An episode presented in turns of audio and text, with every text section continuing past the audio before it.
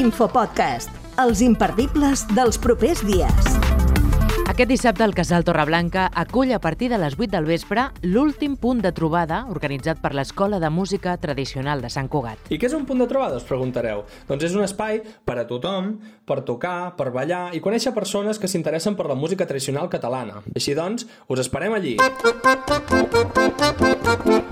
És el Sergi Masalies, professor de gralla de l'Escola Tradicional i un dels músics que formen la base instrumental d'aquesta jam de música tradicional.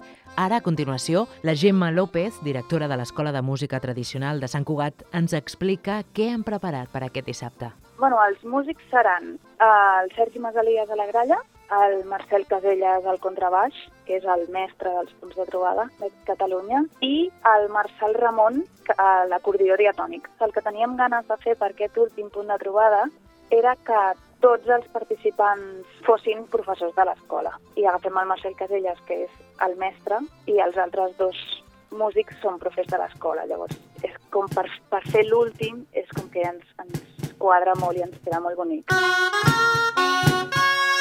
Els punts de trobada es van posar en marxa a Sant Cugat el 2017. Uh, en aquell moment es va crear una associació que es deia Xarxa de Punts de Trobada, que era una espècie d'unió entre tots els punts de trobada que es feien a Catalunya. Recordo que n'hi havia que es feien a Vilafranca, al Tradicionarius, al CAT a Barcelona també. Hi ha molts llocs on, on aquesta iniciativa ha donat fruits i funciona molt bé. I quina valoració es fa des de l'Escola de Música Tradicional dels punts de trobada? Funciona molt bé, funciona molt bé, estem molt contentes de, del resultat de, de com ha anat i de, de llarg d'aquests anys l'evolució que ha tingut, perquè vam començar sent molt poc i ara cada vegada érem més músics i menys públic, així que la valoració és molt bona.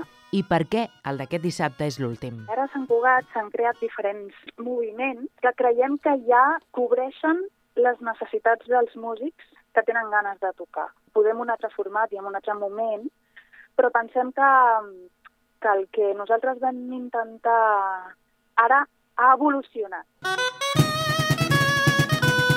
Quin és aquest moviment?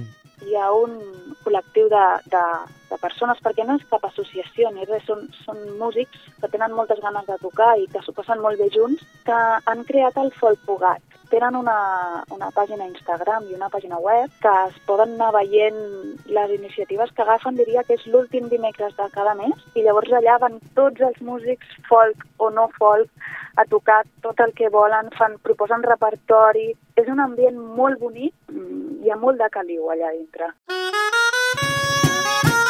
Folk Cugat. Ens ho apuntem a l'agenda. De moment, aquest dissabte podem anar a ballar i tocar. I, per cert... Sobre el repertori, penso que no hi haurà moltes coses noves. Tothom que el vulgui tenir, que el vulgui repassar abans de venir al punt de trobada, ens pot enviar un correu electrònic a, a emtscf.emtcf.cat o per Instagram mateix una nota, un missatge o així, i nosaltres li podem passar el repertori abans del concert.